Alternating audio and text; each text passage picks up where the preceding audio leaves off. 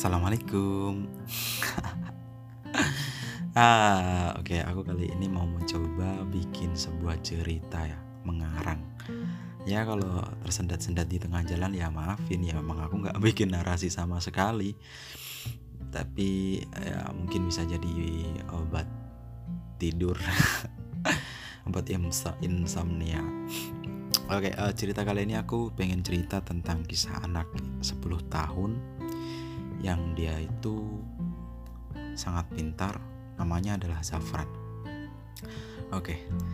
uh, eh, suatu pagi yang cerah di mana pagi itu mungkin orang-orang sedang dengan aktivitas aktivitasnya masing-masing dengan semangat pagi mereka menyiapkan paginya dengan berbagai macam misal ada yang mau berangkat ke sekolah berangkat kerja dan tidak memungkinkan itu tidak uh, menutup kemungkinan masih tidur. Seperti para mahasiswa semester akhir. Mahasiswa lagi. Oke lanjut. Di pagi itu orang-orang tak melihat. Ada seorang anak kecil berusia 10 tahun berselimut sarung tiga lapis di bawah pohon waru bersama beberapa botol yang berserakan di sampingnya. Botol-botol itu uh, dikumpulkannya untuk kemudian nanti dijual ke tukang ronsokan untuk kebutuhan hidupnya sehari-hari. Anehnya anak sekecil itu dia sendirian di sana mengumpulkan botol-botol itu dan memenuhi kebutuhan hidupnya sehari-hari. Dan terkadang eh, tak jarang juga sih orang-orang datang kepadanya dan kemudian memberikan makanan atau minuman atau bahkan uang. Namun tak jarang juga ia selalu menolak pemberian orang lain karena memang dia adalah anak yang pintar. Kenapa kemudian Zafran bisa tinggal di bawah sebuah pohon waru tanpa ada orang tua, tanpa ada sahabat, tanpa ada orang lain di sana selain dirinya? Um, dua tahun yang lalu dia memiliki seorang ibu dan ayah namanya Bimo dan Risti. Kejadian singkat cerita, uh, Bimo dan Risti telah mengalami sebuah uh, masa berkabung atau apa ya telah meng, telah ke, ditinggalkan oleh ibunya si Bimo. Ibunya si Bimo kala itu meninggal dunia dan e, mereka sudah tidak memiliki orang tua lagi dan itu adalah ibu terakhir yang dimiliki oleh si Bimo setelah satu minggu berkabung di kediaman orang tuanya, si Bimo pulang pada malam hari sekitar pukul 9 malam dan si Zafran pun yang ketika itu masih berusia 7 tahun dia terlelap di kursi tengah. Ketika itu dia menaiki mobil Innova tahun 2007. 2017. Um, selanjutnya Selanjutnya si eh, Bimo tanpa sadar di sebuah hutan yang tak memiliki penerangan PCR lampu lampu jalan raya LJR lampu jalan raya. Di sebuah remang yang uh, bisa jadi tertutup kabut menutup pandangannya dia melihat sebuah mobil sedan berjalan pelan di depannya sehingga dia tidak ingin me mendahuluinya. Dan ketika sedan itu teramat pelan ia sebenarnya buru-buru karena pada malam itu sudah teramat malam dan si Risti pun juga sudah mengantuk. Dan ketika itu dia mau menyalip mobil itu. Dan tanpa disadarinya ternyata dari depan itu ada mobil tronton yang membawa semen dan kecelakaan besar pun tidak dapat dihindari. Beruak gitu. Dan ketika itu selang beberapa jam tidak ada yang menolong karena sejati, sejatinya itu di tengah hujan, eh di tengah hutan. Dan ketika sampai di rumah sakit pun si Bimo dan si Risti pun mengalami krisis.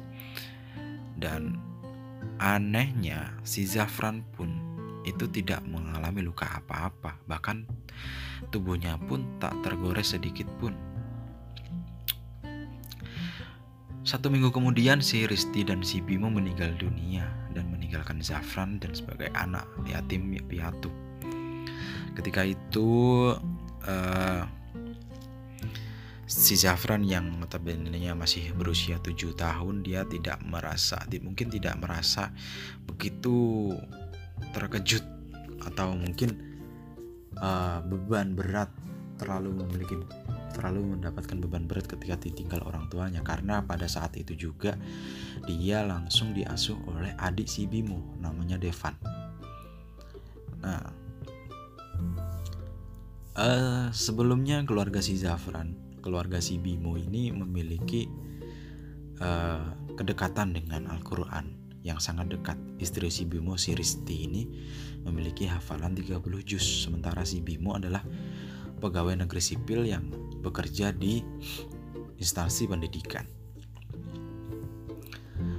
Dan tak e, menutup kemungkinan kalau seandainya si Zafran ini me, menurunkan kecerdasan orang tuanya dengan de, dengan dengan bukti bahwa dia dapat menerima kenyataan bahwa orang tuanya sudah meninggal semua. Ketika dia diasuh oleh si Devan selama kurang lebih satu tahun, dia tidak lagi belajar Al-Quran. Maksudnya dia hanya belajar apa yang telah diajar, apa yang telah dia ingat dari ibunya dahulu. Belajar membaca Iqra dan hanya Iqra tersebut yang dia pelajari. Sebenarnya si Devan sudah mengarahkan Zafran untuk masuk ke Taman Pendidikan Al-Quran. Namun beberapa kali Zafran menolaknya setelah diantar oleh istri si Devan. Kenapa? Karena memang si Zafran tidak pernah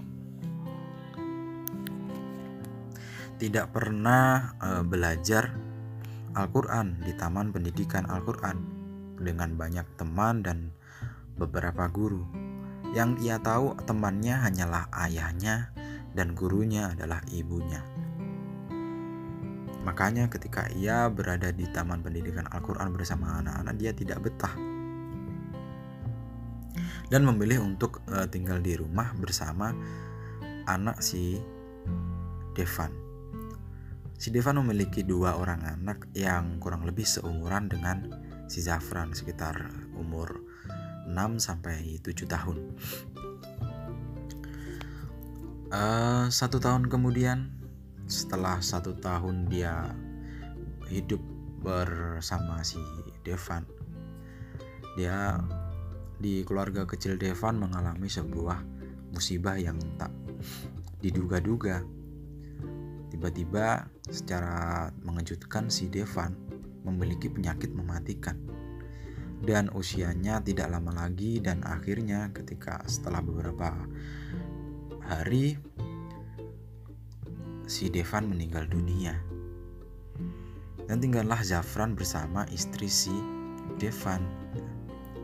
Di usianya yang kurang lebih 9 tahun, si Zafran dipaksa untuk mandiri, mengurus hidupnya sendiri, meskipun masih ikut dengan istri si Devan.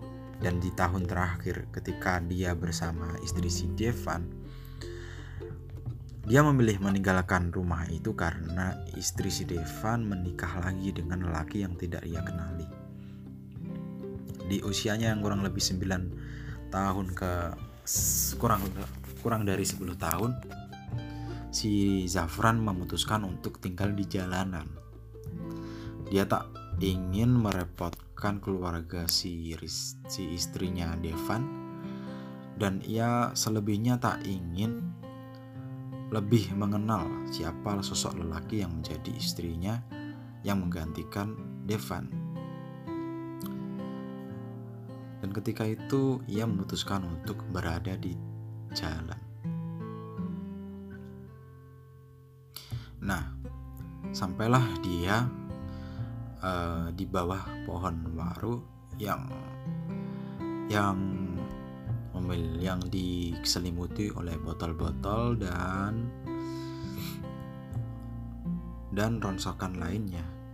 Nah, begitulah demikian uh, bagaimana si Zafran berada di sana dan kenapa kemudian dia adalah seorang anak yang pintar. Mungkin episode selanjutnya akan membahas kenapa dia kok disebut sebagai orang yang pintar, sebagai anak yang pintar. Oh, cukup saya cukupkan di episode kali ini. Kurang lebihnya, mohon maaf. Wassalamualaikum warahmatullahi wabarakatuh.